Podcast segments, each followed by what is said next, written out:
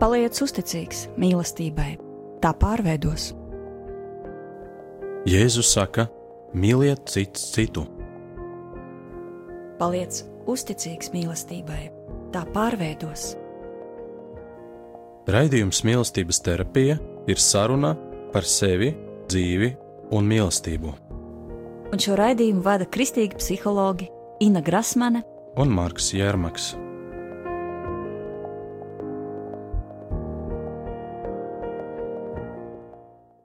Labvakar, mīļie radioklausītāji! Labvakar! Eh, Šodien mēs jums piedāvājam tēmu par aizvainojumu.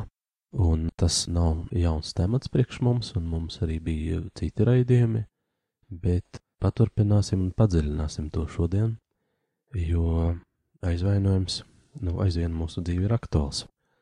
Un um, tas stāsts, ar ko es vēlētos sākt, būs par uh, kādu jaunu vīrieti, tāpat kā daudzi citi vīrieši mūsu kultūrā. Viņš izauga un izveidojas uh, no kā neiniciēts vīrietis, kuram nav šīs tevišķās uh, aprūpes, no pozitīvā nozīme pieredzes, drīzāk pieredze ir negatīvā, un uh, ar tādu lielu nedrošību sevī, bet reizē ar nepieciešamību nu, dzīvot un tikt galā ar grūtībām. Un šis cilvēks saka, ka viņš dzīvo ar sajūtu, ka viņš nevis dzīvi izvēlas, bet ka viņš ir iemests dzīvē, kā kāds viņu ir iemetis tādu kā, nu, kā bērnu pieaugušo pasaulē, tādu iekšēji nesagatavotu tam. Un cilvēks, kurš ārēji izturo tādu pārliecinātību un uh, kuram ir visi tie panākuma attribūti ārējā nozīmē, bet iekšēji jūtas ļoti trausls un nesagatavots pieaugušo dzīvē.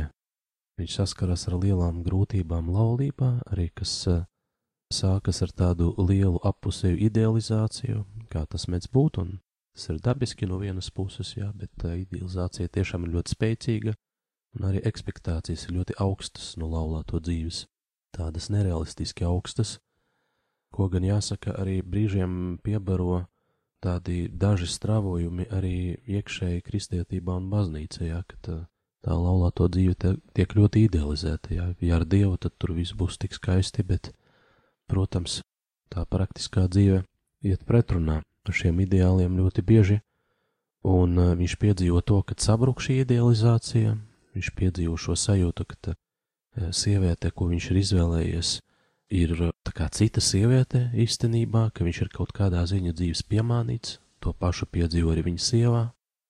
Jā, redzot eh, šo, šo cilvēku ar visām viņa ēnām, ar visu to, ko sākuma neredz, iemīlēšanās iespējā, ar visiem ierobežojumiem, ar to, ka piedzimstot bērnam, nāk liels aizkaitinājums, appusējs, nāk finansiāli ierobežojumi, ka daudz ko nevar atļauties īstenībā, un uh, šīs vīrietis piedzīvo to, ka sāk apzināties uh, to faktu, ka ne visi sapņi var tikt piepildīti šajā dzīvē.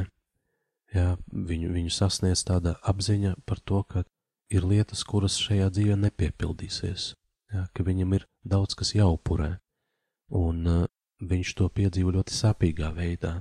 Caur lielu tādu pretestību un aiz, aizvainojumu, tajā skaitā aizvainojumu pret Dievu, aizvainojumu pret sievu, aizvainojumu pret savu tēvu, kurš viņam, nu kā viņam šķiet, nav iedevis kaut ko ar tādām pretenzijām, jā, ka viņš daudz ko nav saņēmis un viņš pretojas tam, kā viņa trūks tādas pieņemšanas, samierināšanas ar to, ka viņam ir dzīve dots tas, kas ir dots.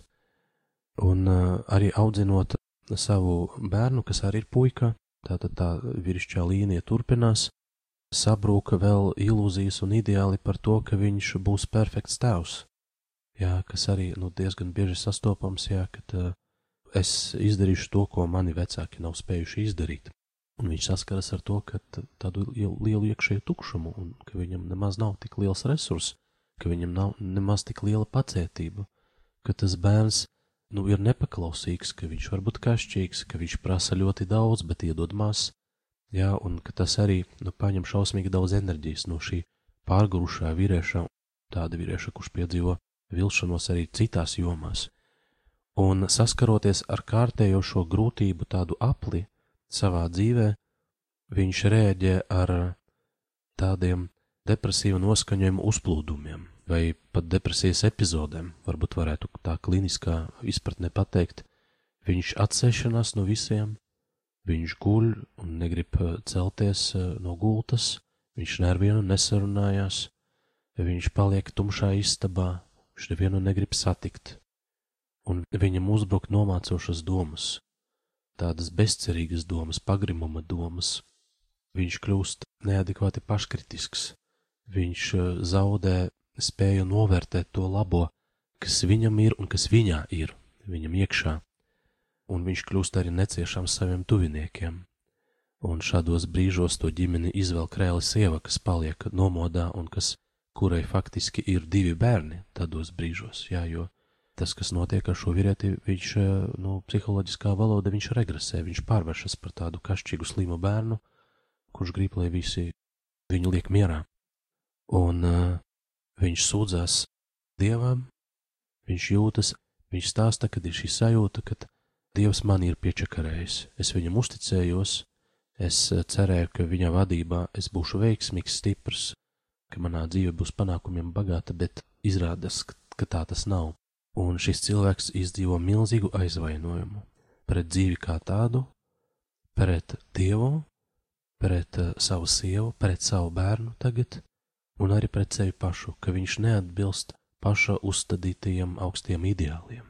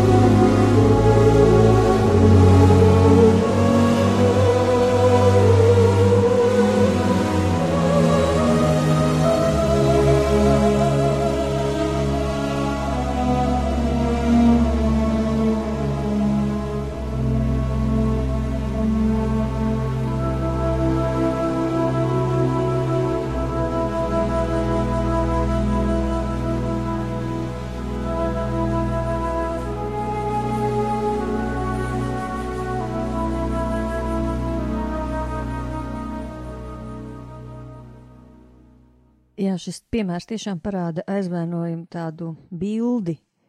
Mēs e, dzīvojam dažādos šablonos, mums ir idejas par to, kā jābūt. Nu, šabloni ir veidojušies dažādi dzīves laikā. Šabloni arī diktē mums mūsu uzvedību, uzskatus, un mums liekas, ka otram būtu jārīkojas pēc manas šablona. Un tajā brīdī, kad otrs rīkojas savādāk, tad mēs jūtamies aizvainoti, ļoti vīlušies. Mēs e, jūtamies, ka ciešam netaisnīgi, bet uh, Dieva plāns ir brīnišķīgs mūsu dzīvē. Viņš grib satriekt šos šablonus. Viņš grib, lai mēs iemācāmies mīlēt, mīlēt savu unikalitāti un mīlēt otru cilvēku unikalitāti. Dievs grib mūs izvest no visiem šiem aizvainojumiem Aizvainojums ir tāds ļoti smags sprosts. Aizvainojums ir sprosts, no kura ir ļoti grūti iziet. Ir cilvēki, kas gadiem iet ārā no šādiem aizvainojumu sprostiem. Aizvainojumu es noliktu līdzās eh, pēc tāda ietekmes stipruma uz cilvēku, līdzās baiļu tādam ietekmei. Ja bailes paralizē cilvēku, tad aizvainojums apstādina Nu, lūk, apstādina šo vīrieti gultā, viņš aizvainojuma dēļ nevar piecelties. Aizvainojums iesprosto, tu tā kā cietumā esi, un neieraugi neko ārpus šī aizvainojuma, tu redzi tikai to, kuru tu vaino. Sievu, vīru, dzīvi, dievu, un tu tā kā peldies šajā negatīvisma un vainošanās upē, un tu neko nevari izdarīt. Un tas ir šis aizvainojuma traģisms, tu neko nevari izdarīt. Maza meitenīte, ar kuras savā laikā strādājām, ļoti palicis kā spilgts piemērs šādam aizvainojumu šim sprostam. Meitenīte, kura iespītējās dienā, nezinu, desmit reizes, piecpadsmit reizes, kā kaut kas nenotika viņai pa prātam, kāds uzkāpa netīšām uz kājas, vai kāds nepiedalījās viņas spēlē, vai vienalga. Viss tas varēja būt tā kā pa mīnus lauku, tu ej, un tu nekad nezini, kurā brīdī tu trāpīs par šo punktu, kurā viņa aizvainojās. Viņa aizvainojās un iespītējās. Un palika tajā kaktiņā stāvot saknieptām lūpām, bālu seju, ļoti ilgu laiku grūti, grūti viņa varēja izdabūt no tās prosta laukā. Un kādā reizē es aprēķināju laiku, cik viņa pavada šajā izpītēšanās, tajā tādā stāvoklī, un tas bija baiss cipars. Laiks, kurš paredzēts bērnam spēlēties, attīstīties, dzīvot, priecāties, viņa pavadīja tādā iesprostotā verdzības stāvoklī. Un šādi mūsu iesprosto aizvainojums čatņem mums laiku, kurš paredzēts dzīvei, dzīvībai, radošumam, mēs paliekam iesprostoti, mēs tiek nozagts šis laiks patiesībā. Tad aizvainojums kā sprosts, aizvainojums kā attīstības bremze, aizvainojums kā ļoti smagas jūtas, ar kurām visticamāk cilvēks nevar tikt viens. Aizvainojumā ir vajadzīgs kāds, kas pienāk un atver tos vārtus, bunkura durvis atslēdz, palīdz tev iziet ārā ir vajadzīgs kāds, kuram tu varbūt vienkārši tikai piezvani un pasaki, atkal tas aizvainojums ir atnācis. Man ir kāds, kurš vienkārši iestājās par tevi dažādos veidos. Aizvainojuma pamatā vienmēr ir šis nesaņemto gaidu mehānisms. Tu kaut ko gaidi, tu kaut ko gribi, tu uz kaut ko ceri, un uh, tu to nesaņem. Un mēs ļoti bērnišķīgi krītam gar zemi un speram kājas un, un kliedzam tikai jau tādā pieaugušajam pieņemamā veidā un gribam izprasīt no Dieva un no visas pasaules to, ko mēs esam tik ļoti sagribējuši. Bet absurds un šis um, neirotisms ir tajā, ka patiesībā jau viss tev ir paredzēts, ka tev viss tavā dzīvē ir sagatavots, un iespējams tas, ko tu ļoti gribi tagad, tūlīt, tas tev ir sagatavots. Tev ir jāpaveic attīstības uzdevumu, lai tu tur nonāktu tev ir jāpaveic ceļš. Tev ir uh, jāuztrenē muskuļi, lai tu tur būtu, un lai tu vispār varētu to izturēt, ko tu gribi. Tev bišķi jāpastrādā, lai tu tur būtu. Bērns, viņš negrib strādāt. Viņam nav jāstrādā, viņš grib kliegt un izkliegt no vecākiem. Un tā dažreiz mēs uzvedamies attiecībās ar Dievu. Mēs gribam izkliegt. Un šāds apvainots cilvēks, ļoti kaitē pats sev viņš kaitē ar to, ka pirmkārt viņš nepārtraukti domā par to cilvēku, kurš izraisa šo aizvainojumu, kuru viņš vaino. Viņš negrib domāt, bet aizvainojums liek domāt. Ja tu esi apvainojusies uz savu vīru, tad tu negribi par viņu domāt, bet tu nepārtraukti par viņu domā, un tu domā negatīvā veidā. Tā tad tas negatīvisms, tā negatīvisma plate griežās, griežās, griežās, un tu pats nevari to apstādināt. Un vēl vairāk, ja tu visu laiku domā, tu, tu atkal piesaisti jaunus un jaunus notikumus, kas var atkal un atkal apstiprināt šo aizvainojumu. Aizvainojums tev ved dziļāk negatīvumā, dziļāk dusmās, dziļāk tādā upuru pozīcijā, kas arī ir milzīgs sprosts. Tas aizvainojums veidojās tajā dvēselē kā tāds ļaundabīgs audzējs, ka viņš jau ietekmē tavu fizisko miesu. Ļoti dažādas slimības rodas no šādiem dziļiem, negatīviem, aizvainojumu piepildītiem stāvokļiem - aknu, ciroze, gal galā vēzis, kas ir uh, aizvainojums, kas pāraudzis tādā naida formā pret sevi vai pret kādiem citiem cilvēkiem. Dažādi psiholoģiski, psihiski traucējumi, greizsirdība, naids, skaudība. Aizvainojums grauj attiecības. Aizvainojums ir nezāle. Aizvainojums ir jārevē, ar to ir jāstrādā. Tā ir inde. Tā saindē psihisko dzīvi, saindē ķermeņa šķidrumu, un cilvēks slimo no tā. Aizvainojums, protams, kā jebkurš neirotisks traucējums, sniedz arī kaut kādu labumu cilvēkam, ieguvumu. Un, ja cilvēks šo ieguvumu nejustu, viņš vieglāk varbūt varētu pat atraisīties no, no aizvainojuma. Bet tev ir svarīgi meklēt, uzdot jautājumu sev, kāpēc tev šis sprosts ir vajadzīgs? Nu, kāpēc tu tur sēdi tajā cietumā? Kāpēc tu esi apstājies cīnīties? Baiļu dēļ?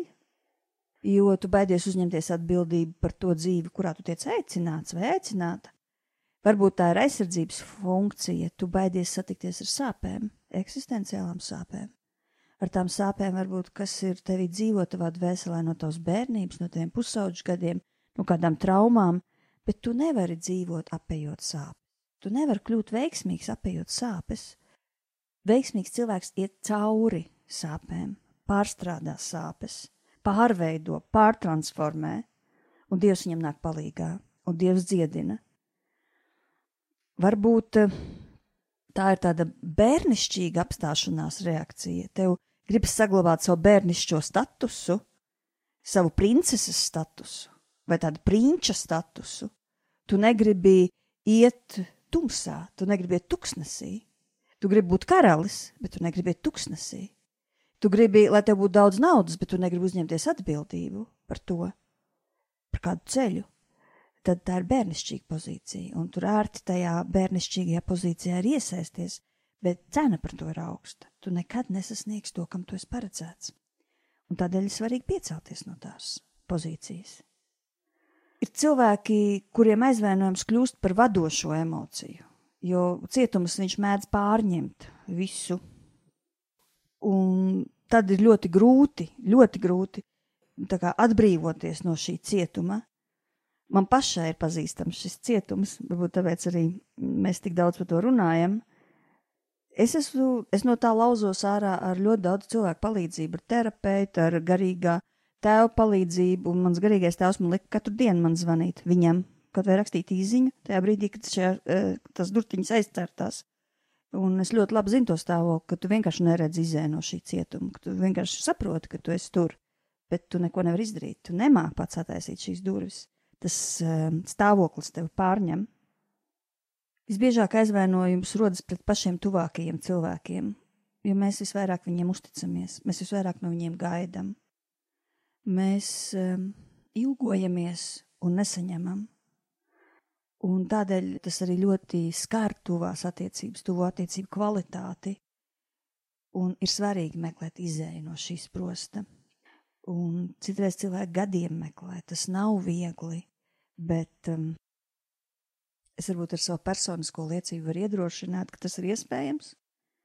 Kā jebkuras smagi sprosti ir cilvēka spēkos pārvarami, ja viņš to dara kopā ar Dievu, viņa spēkā, meklējot tēva palīdzību, tēva svētību, un varbūt tādi paši galvenie soļi, kā pieturas punkti, kā tu varētu vispār virzīties ārā no šāda smaga sprosta, Pirmkārt, analizē gaidas.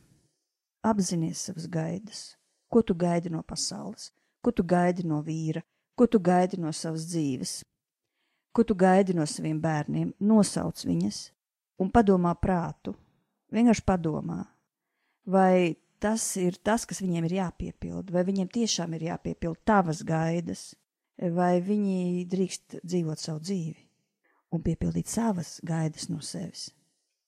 Šķiro, kas ir tava atbildība un kas nav tava atbildība, kur ir robeža, kur ir tava partnera atbildība, kur ir robeža un kur ir teva paša atbildība. Par ko mēs atbildam? Par savu aizvainojumu, par savām jūtām, par savām emocijām, par savām pārliecībām. Par to mēs atbildam. Bet par otru cilvēku uzvedību mēs nevaram atbildēt. Mēs arī to nevaram nekādi ietekmēt. Mēs varam paši sevi ietekmēt, un tas ietekmēs arī otru cilvēku meklē labo otrā. Tas aizvainojums liek tev visu laiku kultivēt negatīvu, redzēt šo ēnu, par to runāt, par to domāt, to apcerēt. Tas visu laiku griežās kā tāda tiešām plati un meklē labo. Piešķir vērtību labajam, labajiem centieniem, ko otrs cilvēks priekš tevis dara. Cīnies ar šo negatīvo domāšanu. Vainošanas zāles vienmēr ir dziļa piedošana, dziļa piedošana. Un tāda patiesa atbildības uzņemšanās par savām emocijām. Yeah.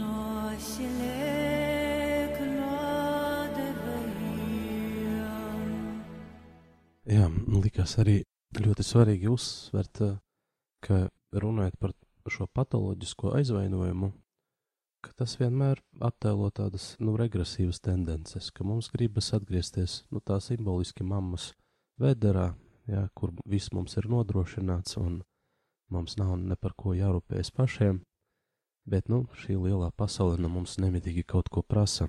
Un uh, tādos aizvainojuma uzplūduma brīžos šis aizvainojums tiešām var būt tāds paralizējošs, tāds, kas mums traucē darboties.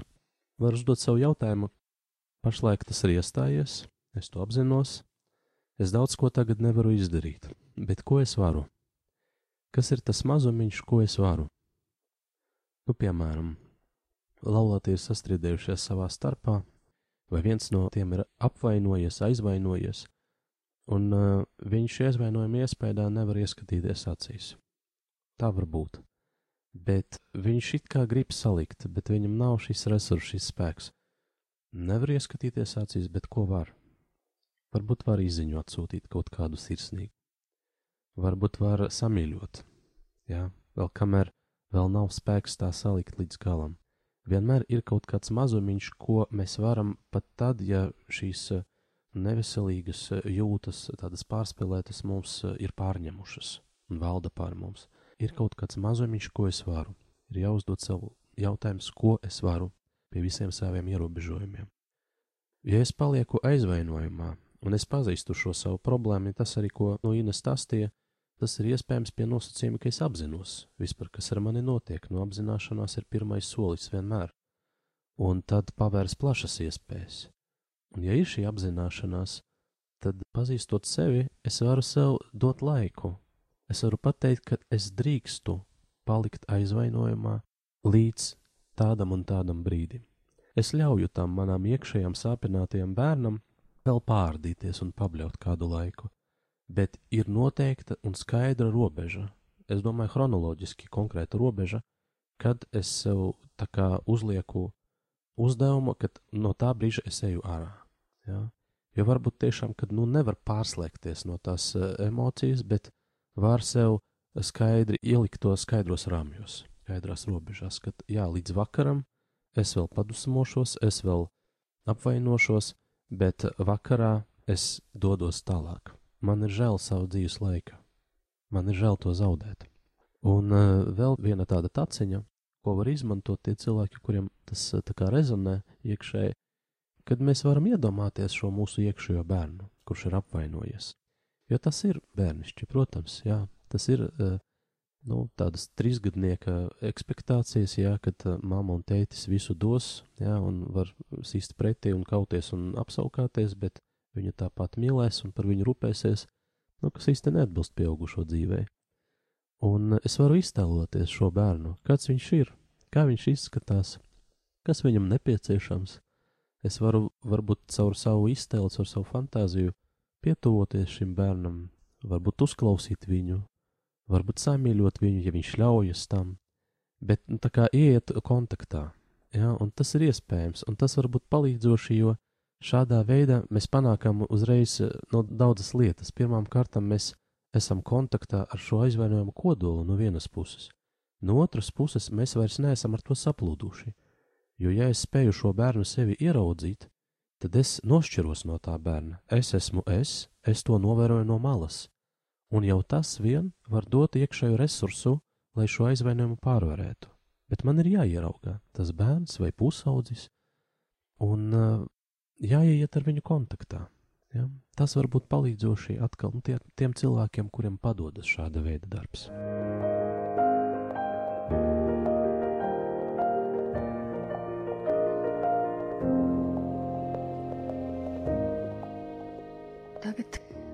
Sagatavosim savus sirdis lūgšanai par katru cietumu, kurš mūsos ir ieperinājies un traucē piedzīvot patiesu brīvību, izēju. Es gribu lūgt tevi apstāties šodien, šajā brīdī pie sevis. Vienkārši ieiet šajā iekšējā klusumā, sajust sevi. Varbūt tu jau vari nosaukt kādu šo cietumu, kurš ir iesprostojis kādu no tavām dvēseles daļām. Varbūt tev vēl ir vajadzīgs laiks, mēģini sajust un iedot vārdu tai dvēseles daļai, kuru tu gribi pienest pie Kristus. Es gribētu piesaukt šeit šo vietu no svētiem rakstiem, kur eņģēlis apmeklē Pāvilu cietumā un atver vārdus, atver durvis. Es gribu lūgt šo eņģeli šodien, priekš manis, priekš tevis,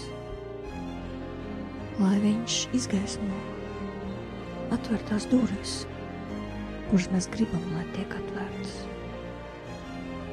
Tādēļ tik svarīgi ir dažreiz nosaukt vārdā šos sprostus, šos cietumus, nest gaismā, pa tiem runāt un lūgt eņģeli. Jēzus Kristus vārdā.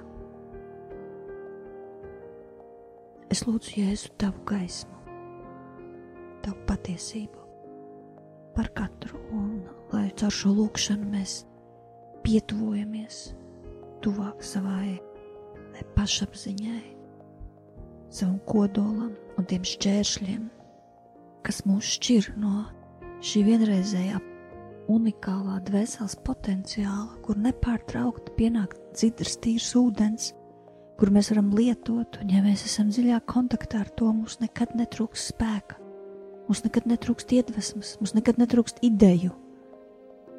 Es tev pateicos, Svētais Gars, ka tu izgaismo arī šķēršļus, kas traucē dzīvot šajā dzidrumā, šajā avotā, kurš nekad neizžūs, nekad neizsīkst. Ka tu parādi šos cietumus katram personiski, ļauj nosaukt tos vārdā, lai pienestu Jēzu pie tavām kājām, pie tavu krusta un slavē Tev, Kungs, ka Tu esi augšām cēlies, lai atnāktu šodien pie manis, ienāktu manā cietumā un lai pateiktu, Tu esi radīts brīvībai, Tu esi radīts dzīvībai, Tu esi radīts pilnībai, Tu esi radīts veiksmē, uzvarai tev pateicos, Jēzu, ka tu sūti eņģeli, kas palīdz man iziet ārā. Jā, tur ārā sagaida dzīve ar izaicinājumiem, ar grūtībām, bet tur ir arī brīvība.